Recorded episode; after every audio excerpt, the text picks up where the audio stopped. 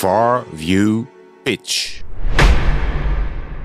In my paper, Skin in the Game The Consequences of Audit Partner Clawback Adoption, I look at the introduction, the staggered introduction of audit partner clawback provisions in the contracts of Dutch audit partners. Between 2014 and 2019, eight audit firms among the big four implemented audit partner clawback provisions.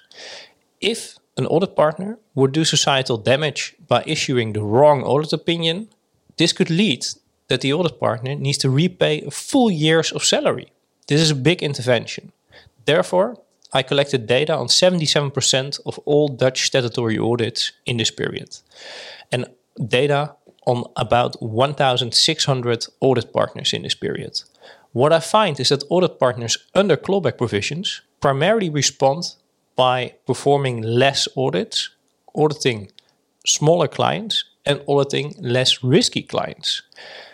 Audit partners also reduce the risk of the clawback by issuing more modified audit opinions. So, more adverse audit opinions, more disclaimers of opinions, and more qualified audit opinions. However, I do not find a significant effect on other quality indicators. For an example, there is not a reduced likelihood of restatements.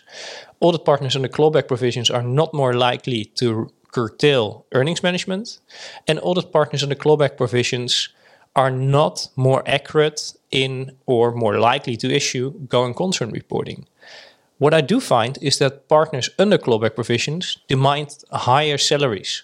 So the compensation for partners under clawback provisions is higher to compensate them for the risk that they take.